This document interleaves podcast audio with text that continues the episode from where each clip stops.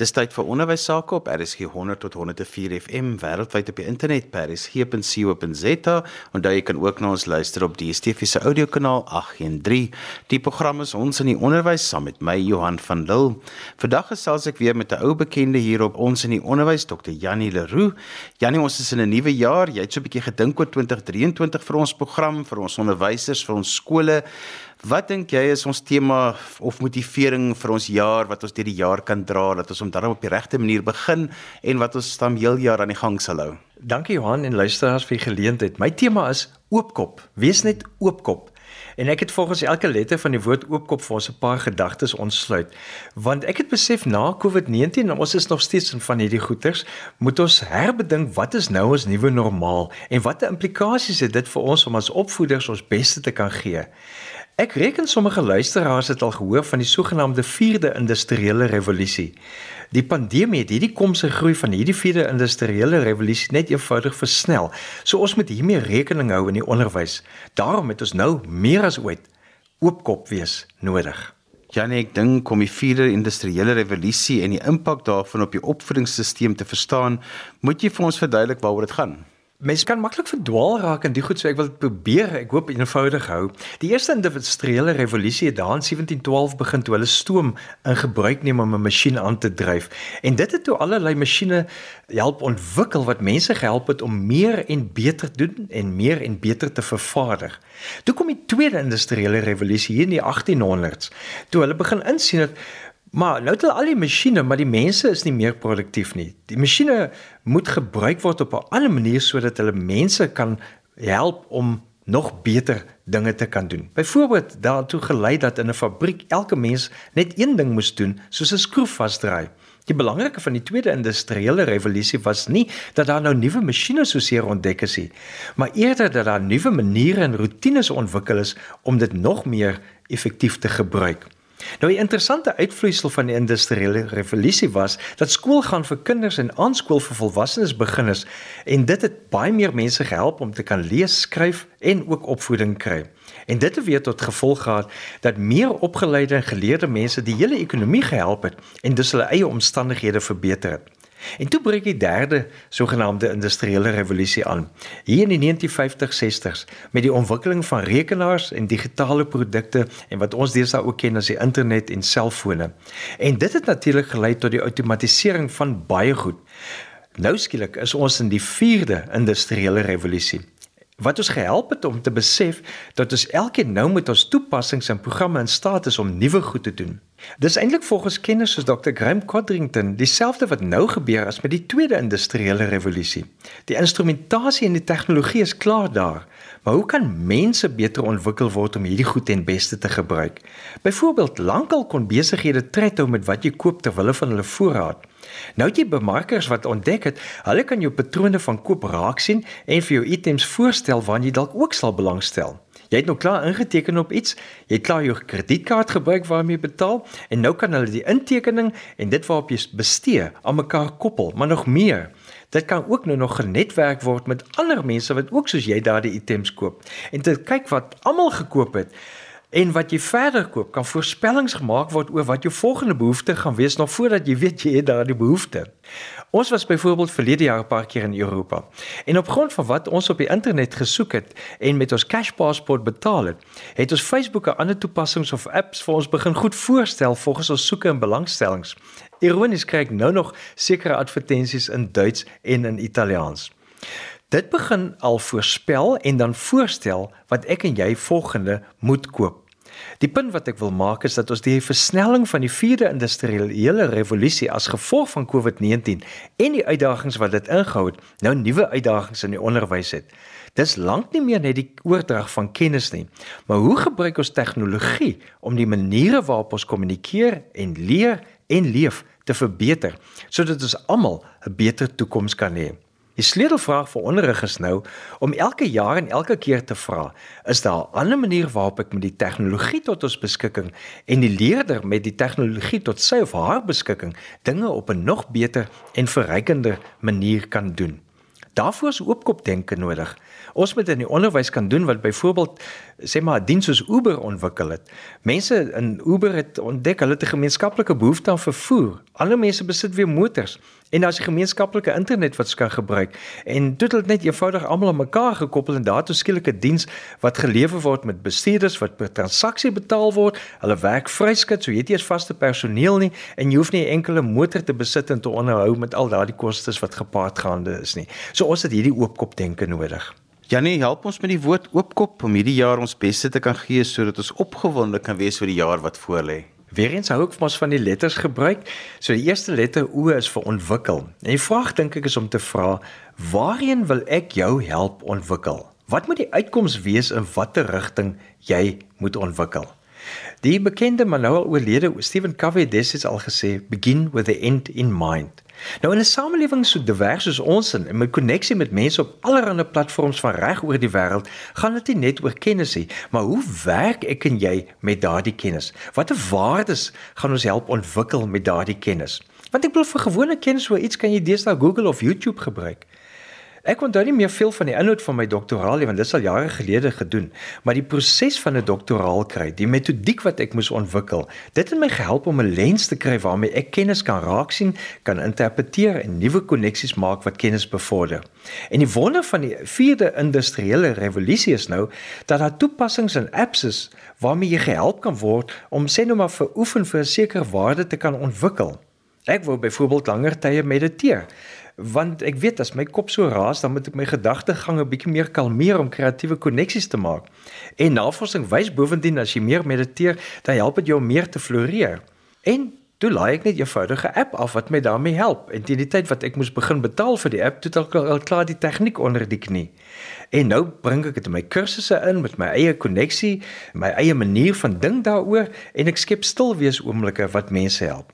So die vraag is waarheen moet of kan ek jou help ontwikkel?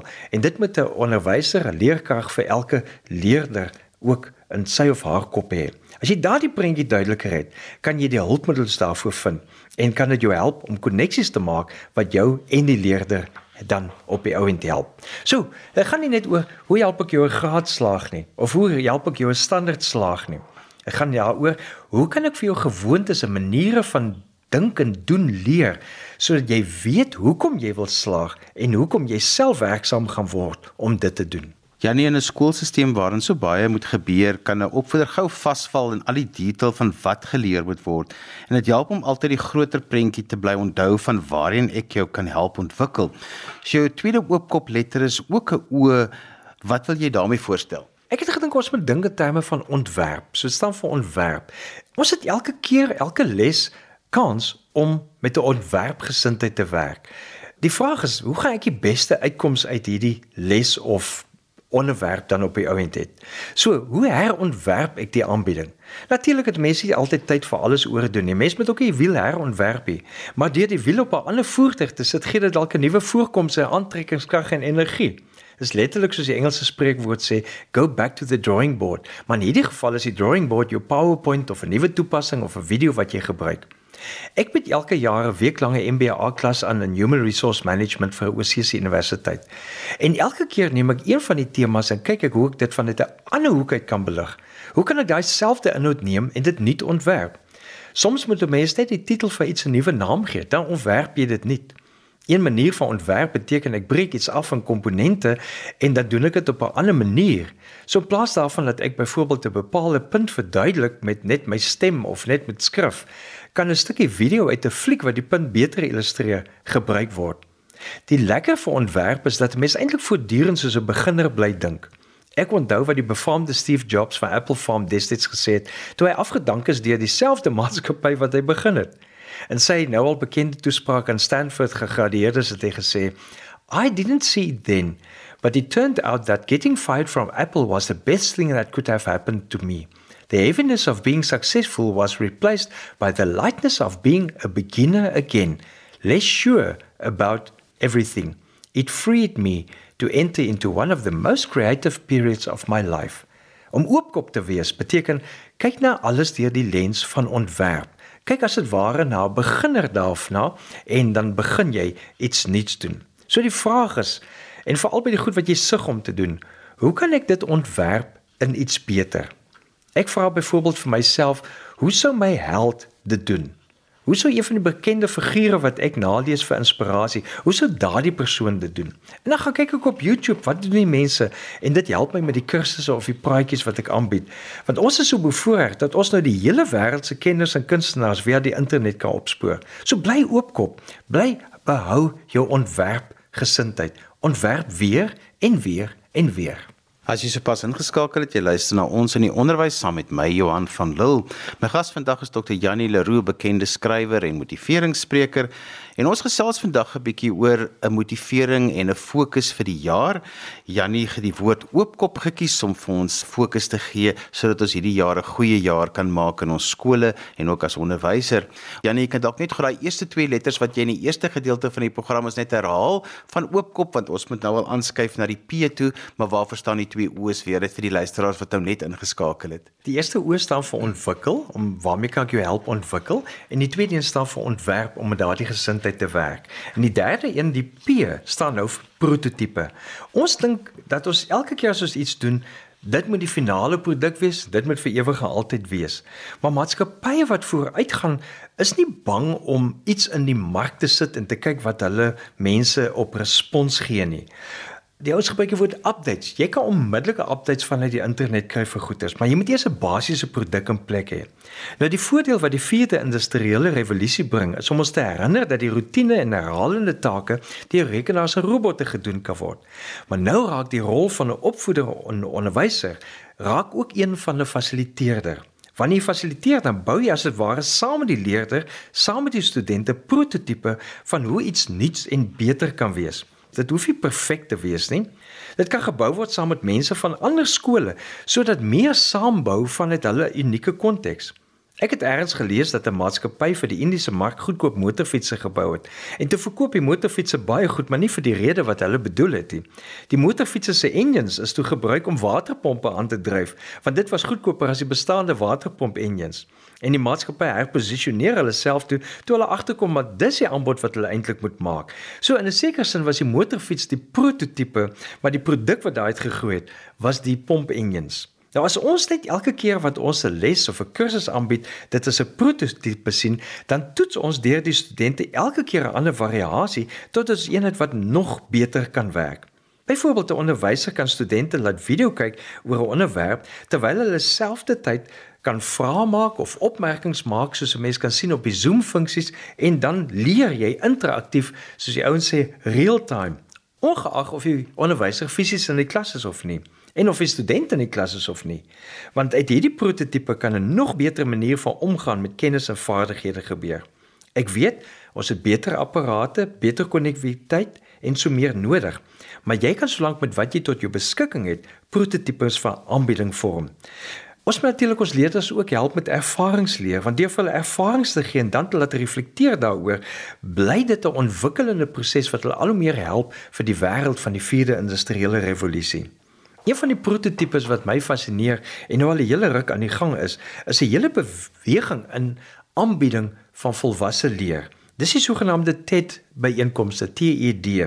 En dit het in 1984 begin waar die naam Technology, Entertainment en Design, waar dit als bymekaar gekom het van daardie naam TED. Dit dek omtrent deesdae allerlei onderwerpe.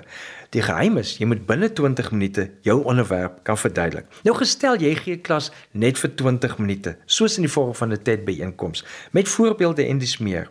Maar dan het jy gesprekvoering daarna en jy en jou studente sit dit so op die internet om ander te kan help en verskillende skole kom uit by sulke prototipes.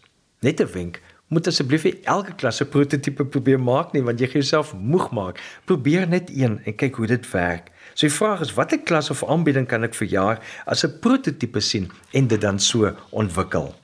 Janie, die program ons in die onderwys het ook as so 'n prototipe begin en met die tyd ontwikkel tot die program wat dit nou vandag is. Jy het ook 'n K in jou oopkop model. Help ons daarmee.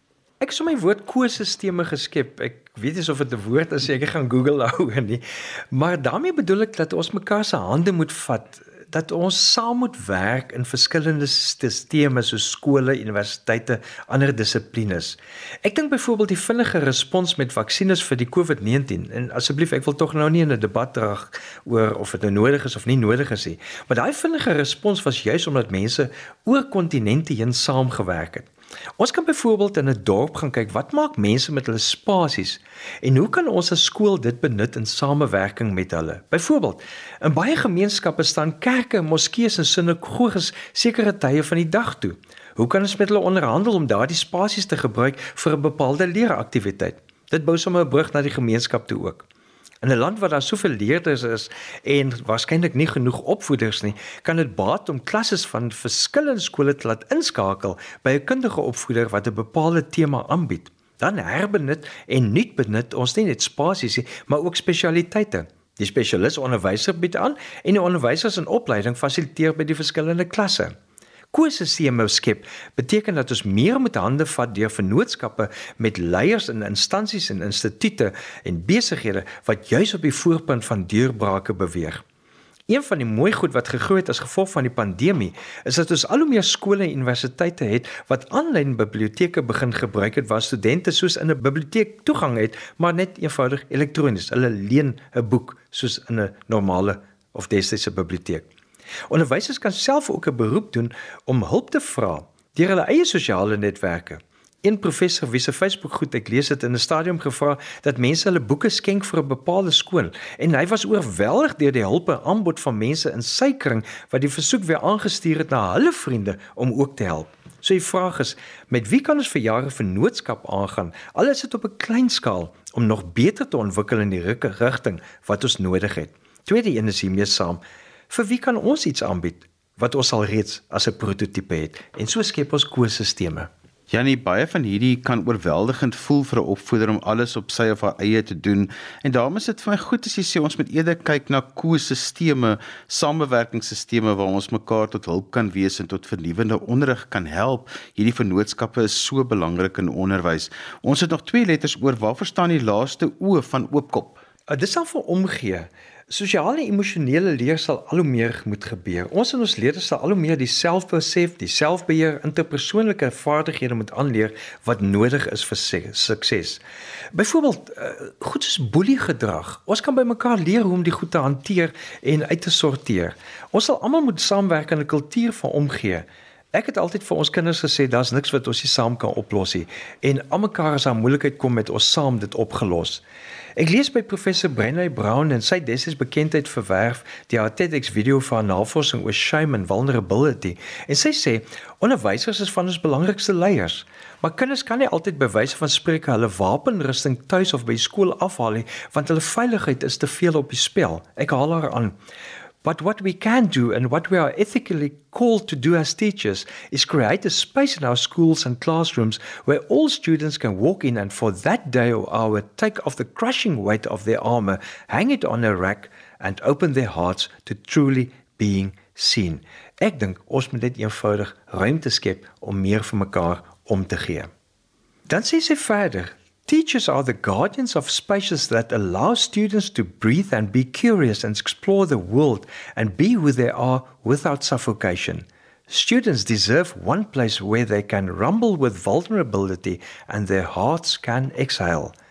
And what I know from the research is that we should never underestimate the benefit to a child of having a place to belong, even one, where they can take off their armor. It can and often does change the trajectory of their life. Die vraag is, wat 'n eenvoudige omgee gedrag kan ek vir jaar bly versterk? Ek het raak gelees destyds in die positiewe sielkunde dat een van die goed om te floreer vir geluk is om juis vir iemand iets te stuur waar jy waardering, admirasie uitspreek. Kan jy dink as 'n klas gereeld saam 'n sinnetjie skryf? Elke kind skryf 'n sinnetjie en dit word as 'n brief as geheel geskryf of geëpos of gestuur na wie daardie klas op daardie stadium erkenning wil gee. Die president, 'n sportster, 'n filmster, 'n kunstenaar, selfs die tannie op die hoek wat so vriendelik vrugte verkoop vanuit haar klein stalletjie. Dit kan die wêreld verander deur omgee. Ja nee, ons het gekom hier aan die einde van ons program. Ons nog een letter van oopkop oor. Dis die letter P en ons gaan ook daarmee afsluit. Wat wil jy vir ons daardeur sê? Personaliseer. Dis waarvoor die P staan. Een van die goeie goed wat die 4de industriële revolusie bring is dat onderrig gespersonaliseer kan word. Dit beteken dit kan jou help met jou eie belangstellings, maar ook jou agterstand in sommige onderwerpe. Net soos ons baie keer horlosies dra wat teruggee oor ons hartspoed en waar ons geoefen het en wanneer ons geoefen het en jy nog bovendien herinner dat jy moet oefen, so kan dit in die onderwys ook gebeur. Personaliseer beteken ons sal tegnologie kan gebruik om te bepaal wat het ons nodig om nog beter te doen in ons vakgebied en ons help om teen ons eie tempo te kan leer. Kom ons dink aan klas gee soos 'n videospeletjie. Dis interessant. Dit gee jou kans om op verskillende vlakke te beweeg en dit te bemeester en jy kan ook nog sien hoe ander vaar in die proses sodat jy baie kan leer en jy kan dit nog op jou eie tyd ook doen. So personaliseer beteken ons moet onthou elke kind leer op 'n ander manier en ons moet die toepaslike manier en tegnologie vind om daardie kind daarmee of student daarmee te help. Party is mos meer kinesteties, ander meer visueel, ander meer auditories, ander leer deur te skryf of te lees. En die huidige tegnologie stel ons reeds in staat om byvoorbeeld 'n les in 'n klas te begin en die leerder kan dit dan verder op 'n selfoon gaan kyk of te luister op pad huis toe en dit terwyl hy of sy 'n ander taak by die huis verrig. Een van die eenvoudigste maniere van personaliseer is om aan die begin van die jaar se klas vir elke kind te vra: "Wat gaan jy doen om hierdie vak jou beste te gee?" En dan hoef hy of sy net 'n enkele stelling neer te skryf, soos ek gaan 10 minute 'n dag hier aan spandeer. En dan elke week gee die leerder vir hom of haarself 'n punt vir poging. Let wel nie prestasie nie, maar vir poging, vir effort. Hoeveel het ek hier aan gewerk? En het ek daarin geslaag? Want dit skep die gewoonte en die dissipline om 'n waarde aan te leer. En dit is persoonlik. En die vraag aan die einde van 'n maand is, hoe kan ek jou help om nog meer hieraan te werk? Nou byvoorbeeld die klas as geheel kan ook so gesamentlike waardes opstel en elke leerder kan elke week vir hom of haarself so evalueer. Vierens, nie hoe goed of hoe sleg jy daarin is nie. Dis ook nie punte vir bevordering nie, maar hoeveel het ek hieraan gewerk? Wat was my effort om hierin aandag te gee? Dan word 'n waarde en 'n goeie gewoonte gepersonaliseer en nie net 'n algemene ding wat net mooi lyk op papier nie. So laaste vraag is: Hoe en wat kan ek personaliseer vir my klas? En hou dit asseblief eenvoudig. Kies net een iets. Janie, ons het aan die einde gekom vir vandag se program hier aan die begin van die nuwe jaar. Dankie vir jou inspirasie en dat ons ook oopkop moet bly in hierdie jaar wat voorlê. Janie, as luisteraars met jou wil verder gesels of kontak maak, hoe kan hulle dit doen? Hulle kan my kontak by Janie by Inspire Guru. Inspire soos die Engelse Inspire, Guru word die Ru word gespel soos by van Leroe. Janie by inspireguru.com of hulle kan ook op my webtuiste gaan kyk www.inspireguru.com vir meer inspirasie onderwerpe. En daarmee is ek kom aan die einde van vandag se ons in die onderwys. Dr. Janie Leroux het ons 'n bietjie inspireer vir die jaar wat voorlê. Onthou jy kan weer na vandag se program luister as 'n potgooi. Laai dit af by resgep.co.za. daarmee groet ek dan vir vandag. Tot volgende week van my Johan van Lille. Totsiens.